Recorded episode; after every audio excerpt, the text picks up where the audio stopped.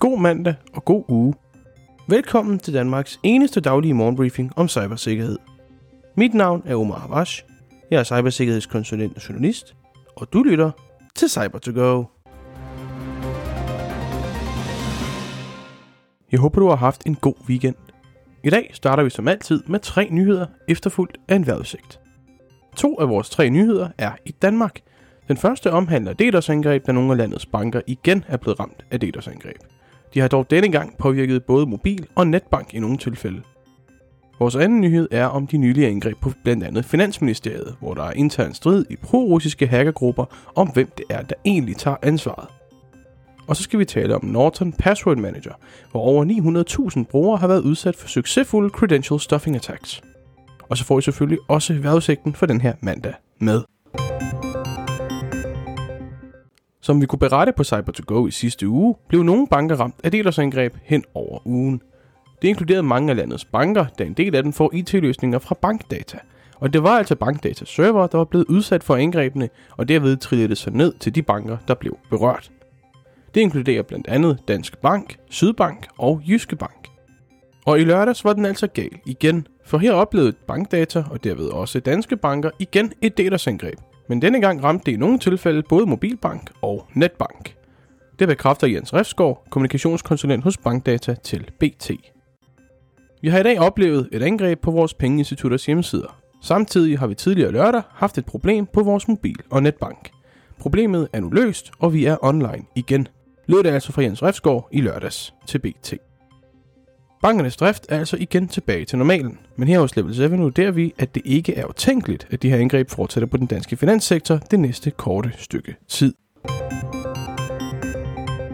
Der er en intern krig i gang mellem de to pro-russiske hackergrupper Killnet og No Name 05716. For ifølge Level 7's oplysninger har Killnet nemlig taget ansvar for angreb på Finansministeriet, Jyske Bank, Handelsbanken og Bank Invest. Arbejdernes Landsbank, som også har været udsat for angreb, har desuden fortalt DR, at de mistænker Killnet for at stå bag det nylige angreb. Killnet har altså taget ansvar for i hvert fald en del af angrebene på bankerne, der blev ramt sidste uge. Men det er her, krigen opstår. For No Name har ifølge Level 7's oplysninger taget ansvar for i hvert fald et af angrebene på Finansministeriet. De har også taget ansvar for et af angrebene på Bank Invest, der blandt andet samarbejder med Jyske Bank, og et angreb på Jyske Bank selv. I en privat korrespondence med DR Nyheder har de ifølge nyhedsmediet taget ansvar for angreb på samtlige banker, der blev angrebet i sidste uge. Desuden har en anonym talsmand for hackergruppen forsikret om, at de ikke har nogen forbindelse til Killnet. Danmark støtter ukrainske nynazister og bandera der tog magten i Ukraine. Det er nok for os til at sætte et angreb på jeres lands kritiske infrastruktur i gang.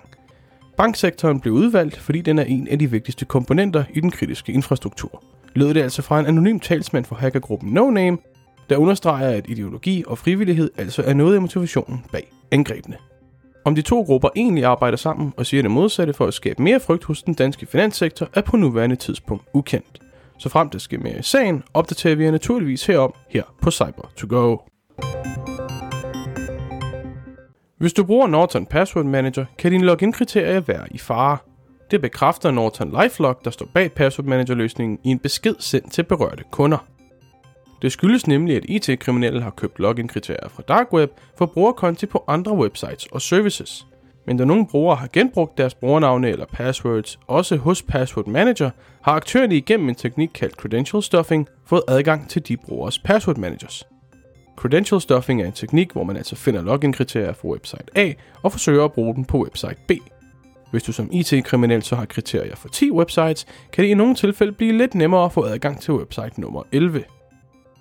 Gen Digital, der står bag en masse Norton-produkter, blandt andet Norton LifeLock, siger, at 925.000 brugere, der muligvis er ramt af angrebet, er blevet hjulpet med at sikre sine konti og data. De berørte kunder har modtaget direkte besked, så deres kriterier kan sikres hurtigst muligt.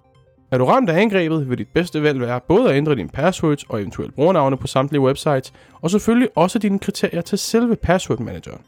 Det er i hvert fald vores vurdering og råd her hos Level 7. Så skal vi til vejrudsigten. I dag er vejret lidt blandet.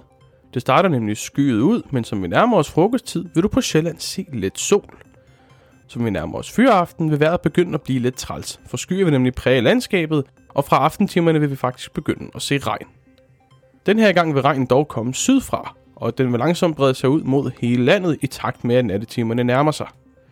Temperaturen i dag vil ligge mellem 2 og 5 grader. Hen mod natten vil den i få steder ramme frysepunktet. Her hos Level 7 vil vi gerne gøre Danmark mere sikkert dag for dag, og vi vil rigtig gerne give tilbage til samfundet i form af hjælp og viden om cybersikkerhed. Så hvis du er en uddannelsesinstitution eller en mindre virksomhed, er vi bestemt interesseret i et samarbejde. Du kan læse mere om os og kontakte os på www.lvl7.dk. Mit navn er Omar Havash, og du har lige lyttet til episode 42 af cyber to go Jeg håber, du har nyt showet indtil videre, og jeg håber også, at vi høres ved igen i morgen tidlig klokken 7.